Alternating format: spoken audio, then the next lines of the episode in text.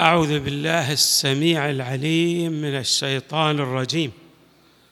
بسم الله الرحمن الرحيم والحمد لله رب العالمين والصلاة والسلام على أشرف الخلق سيدنا ونبينا محمد وآله أجمعين الطيبين الطاهرين.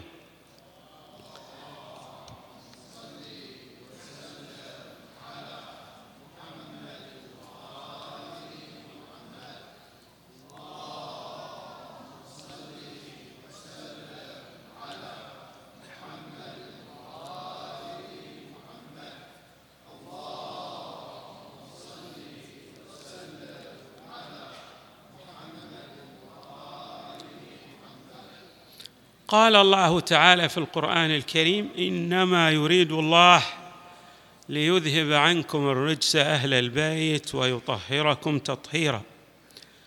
إمامنا زين العابدين عليه السلام أحاطت به ظروف وملابسات كثيرة منعته من ممارسة دوره بشكل واضح ومكشوف. ولكن الإمام عليه السلام لم يستسلم لتلكم الظروف بل حاول جادا وجاهدا أن يسير على صعد ثلاثة ليتأتى له من خلالها أن يمارس دوره المناط به من قبل السماء في اعتقادنا لأن المعصوم عليه السلام له ارتباط بعالم الغيب. فكان الإمام عليه السلام يمارس دوره الإعلامي في إحياء مظلومية أبيه الحسين. وقد مارس هذا الدور بنحو أرسى به مبادئ الثورة الحسينية وإظهار المظلومية للإمام الحسين بنحو خاص ولأهل البيت بنحو عام.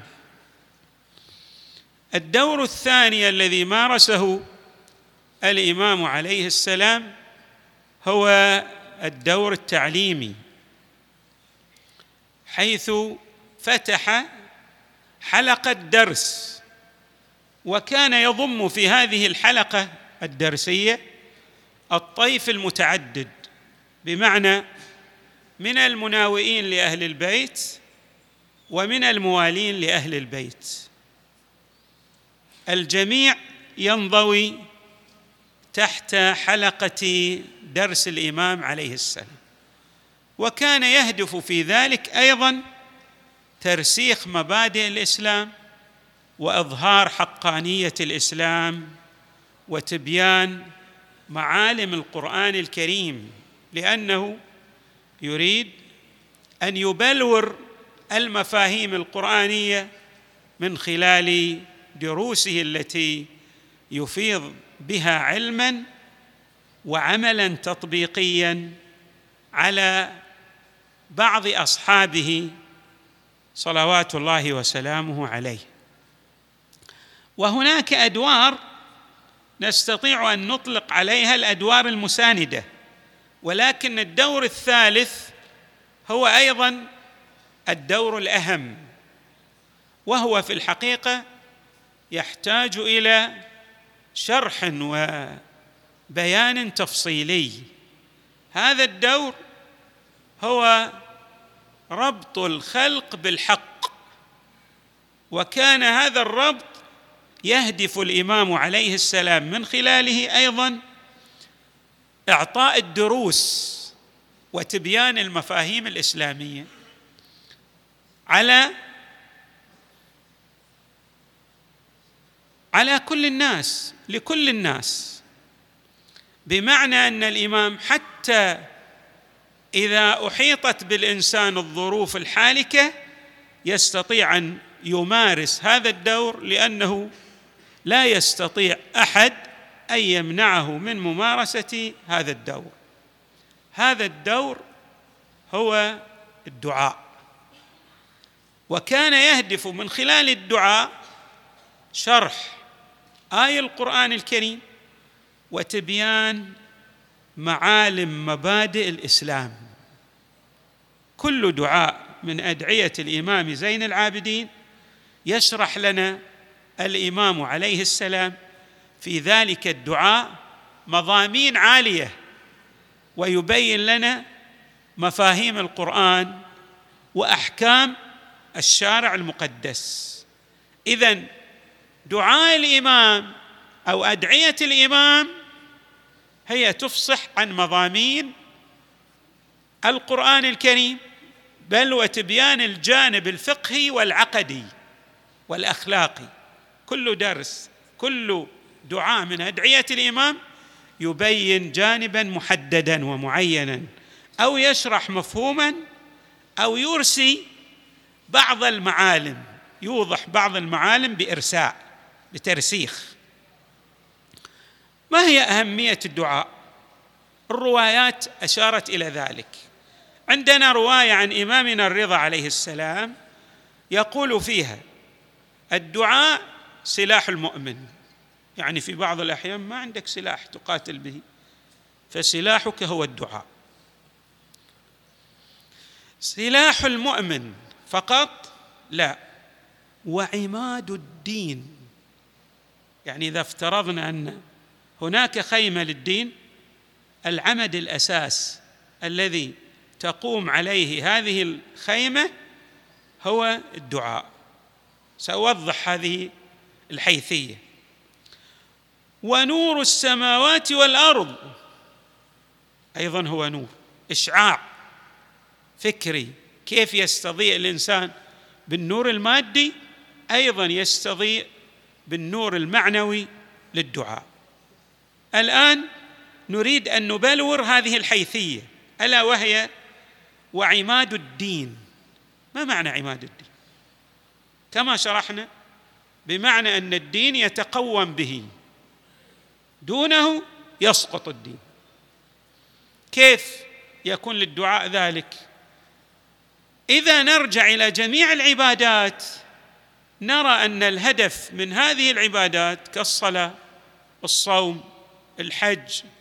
جميع العبادات الغاية والهدف منها هو جعل العبد جعل الإنسان عبدا لله تعالى. يعني يدور في فلك العبودية لله. لا يخرج عن الصراط المستقيم الذي رسمه الله له. طيب هذا الصراط المستقيم ألا وهو العبودية؟ محوره الأساس إظهار الفقر إلى الله والعوز والحاجة. وهذا ما يرسمه لنا أو يبلوره لنا الدعاء. الدعاء أنك يعني تظهر أنك بحاجة إلى الله. ما عندك لا ملجأ ولا منجأ لك إلا الله تبارك وتعالى. اذا الدعاء يظهر لنا هذه الحيثية فيكون عماد الدين.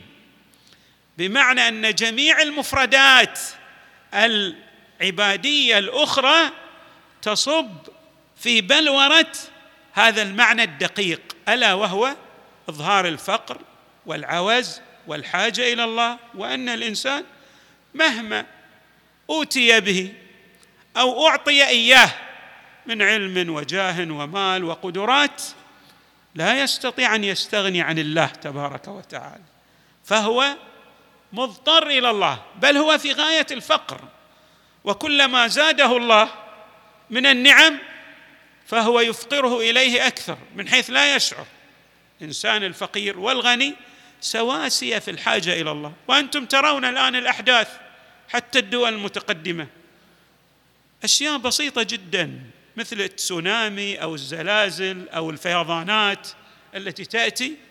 دول عندها قدرات كبيرة ما تستطيع أن تدافع أو تذود عن مواطنيها وتحدث كوارث كثيرة جدا.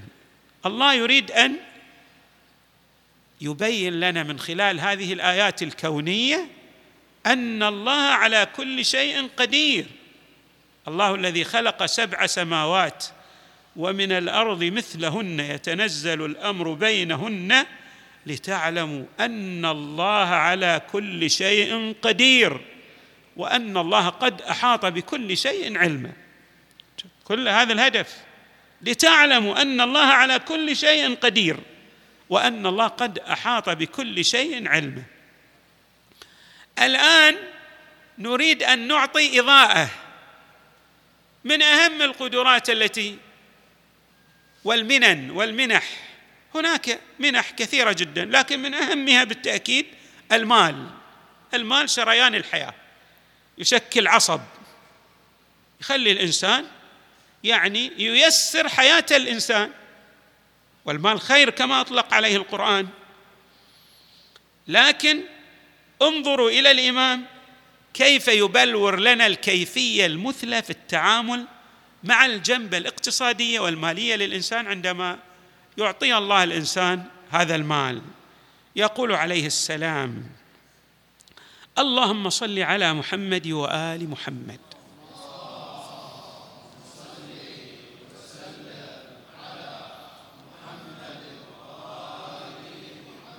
واحجبني عن السرف والازدياد.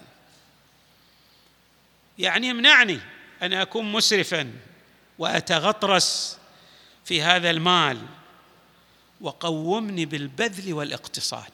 إذا رزقتني المال وفقني لصرف هذه الأموال في سبيلك لأنني إذا لم أصرف هذه الأموال في سبيلك سأترك هذه الأموال المال قيمته بصرفه في سبيل الله. واحجبني عن وقومني بالبذل والاقتصاد. خلني أقتصد بمعنى ماذا؟ أسير على وفق قانون الاعتدال. ثم أيضا أنفق هذه الأموال في طرق الخير. بعد وعلمني حسن التقدير. خلني أدرس الأشياء بنحو من الدقة. واضع الأمور في نصابها السليم والصحيح. وعلمني حسن التقدير.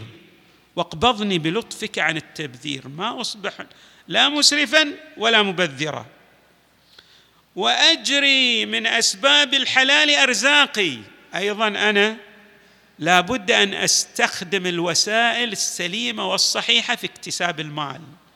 أشرت أكثر من مرة بل بينت هذا بأن الإسلام على عكس ما يتصور بعض قاصر النظر يدعوك إلى ماذا؟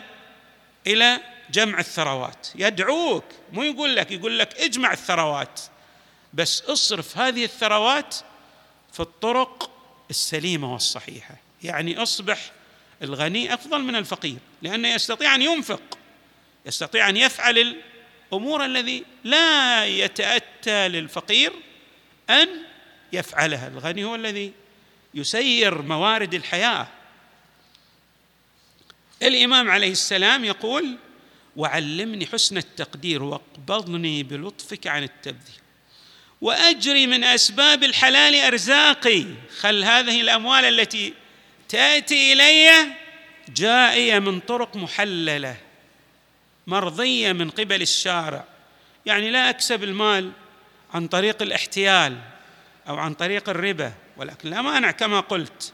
ولذلك نجد مثلا أنبياء الله يريد لنا يعطينا صالحين وأنبياء لديهم المال والملك وجميع مقدرات الحياة. وهناك أنبياء فقراء حتى يعلم الناس إن الحياة هي هكذا فيها الغني والفقير. وهذا يبتلى بهذا وذاك يبتلى بذاك. نعم. ثم يقول الإمام عليه السلام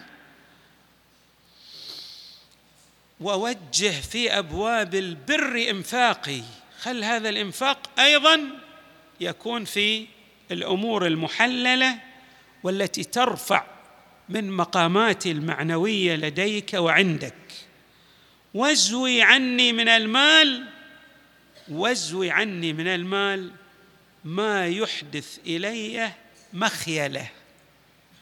هذا المال اللي يجعلني أتخيل في نفسي أو أظن في نفسي إني والله أنا شخصية لا يقام لها ولا يقعد. شخصية عظيمة جدا. لا.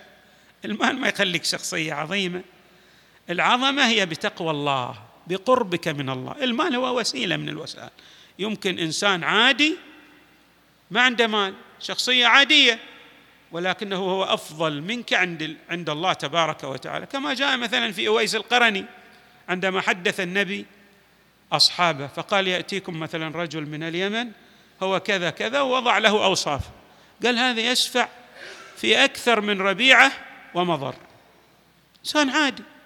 لكن إنسان غاية في قربه من الله تبارك وتعالى وقد أعطاه الله تبارك وتعالى الشهادة في سبيله مع إمامنا الإمام أمير المؤمنين في صفين كان من حواري الإمام أمير المؤمنين يعني من التابعين لأن صح النبي تحدث عن بأحاديث وهذه الأحاديث موجودة عند الفريقين السنة والشيعة وقال هذا شخصية عظيمة جدا ولكن جاء إلى المدينة يريد أن يلتقي بالنبي والأمة شوفوا بر الوالدين لديه.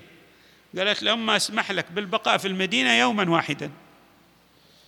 ذاك اليوم النبي مو موجود يعني بيجي يوم ثاني. شوفوا جاي من اليمن شوفوا بر الوالدين. ما قال لابد ألتقي برسول الله هذه أمي ما يخالف. لا هو أعطى وعدا وعهدا لأمه أن يبقى فقط يوما واحدا. رجع إلى اليمن. شوفوا المسافات الطويلة. لكن النبي أخبر عنه. قال هذا. أصلا لما جاء النبي في بعض الأحاديث يعني مبين لكم العظمة مو بالمال العظمة بالالتزام الدقيق بأحكام الشارع بتقوى الله بالقرب من الله. قد تكون عندك أموال قارون. وقد تجمع بين المال وتقوى الله. وقد تكون من الفقراء ولكنك أيضا عندك تلك التقوى التي هي في المرتبة العالية. الغني والفقير أو الغنى والفقر لا يضيران بالإنسان. الذي يضير هو التجرد عن تقوى الله تبارك وتعالى والابتعاد عنه ومنه. الإمام يشرح لنا هذا واجزوي عني من المال. ما يحدث إلي مخيله يعني خليني أظن أو أتخيل وجي مخيله بمعنى أتكبر على الناس. خليني عندي نحو من الغرور والغطرسة بسبب هذه الإمكانيات التي لدي. أو تاديا إلى بغي أو بعد أرتفع عن الناس وأمارس الظلم في حقهم. أو ما أتعقب منه طغيانا. اللهم حبب إلي صحبة الفقراء وأعني على صحبتهم بحسن الصبر. ثم يقول أيضا جنبة ثانية يقول إذا أنت ما رزقتني المال شوفوا الإمام اولا يطلب المال ويريد لكن يقول قد يكون التقدير الالهي ما حكمة الله لا تقتضي أن يعطيني مالا. طيب ما عندي مال شو أسوي؟ نعم. وما زويت عني من متاع الدنيا الفانية فاذخره لي في خزانك في خزائنك الباقية. واجعل ما خولتني من حطام من حطامها وعجلت لي من متاعها بلغة إلى جوارك. كل هذه القدرات والمنن والمنح التي يعطيك الله إياها خلها تصير ماذا؟ وسيلة للوصول إلى أعلى درجات القرب من عند الله. ووصلة إلى قربك وذريعة إلى جنتك. إنك ذو الفضل العظيم وأنت الجواد الكريم. شوفوا الإمام يشرح لنا دروس في التعامل الاقتصادي لأن في كل يوم إحنا نتعامل اقتصاديا. بس يبين لنا إن هذا التعامل لابد أن يسير على وفق ضوابط وموازين مرضية من عند الله تبارك وتعالى توصل الإنسان إلى درجة القرب العالية والرضوان. نسأل الله تعالى أن يجعلنا مع إمامنا زين العابدين ومع آبائه البررة الميامين وأبنائه الطيبين الطاهرين والحمد لله رب العالمين وصلى الله وسلم وزاد وبارك على سيدنا ونبينا محمد وآله أجمعين الطيبين الطاهرين.